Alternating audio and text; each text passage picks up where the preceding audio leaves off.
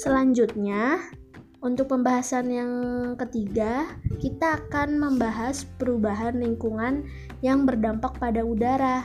Sebelumnya, kalau tadi kita telah berdiskusi tentang perubahan lingkungan yang disebabkan oleh manusia dan alam itu sendiri, sekarang kita akan membahas tentang dampaknya pada udara.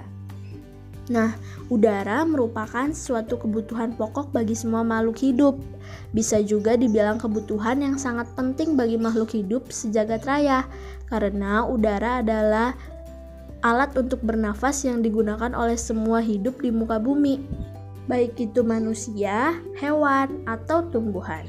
Pencemaran udara terjadi karena adanya suatu zat yang masuk ke dalam atmosfer yang dapat mengurangi kualitas udara dan fungsi dari udara tersebut menjadi turun.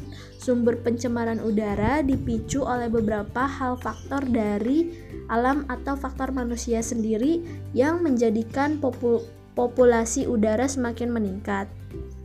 Semakin sempitnya lahan penghijauan, terutama di daerah perkotaan, maka semakin sempit pula banyak populasi yang dapat mencemari udara sehingga dapat membahayakan aktivitas masyarakat yang ada dan tidak adanya pepohonan dan tumbuhan lain yang berfungsi untuk menyerap zat-zat yang dapat mencemari udara dan menyimpan oksigen.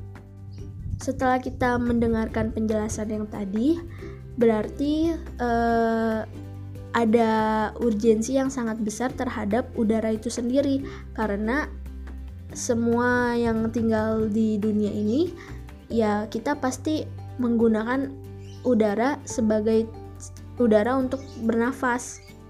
Nah, agar udara kita tetap baik kualitasnya, maka hal-hal kecil yang dapat kita lakukan seperti kita dapat me menanam pohon, membuat penghijauan di rumah, sehingga perputaran udara itu semakin bersih.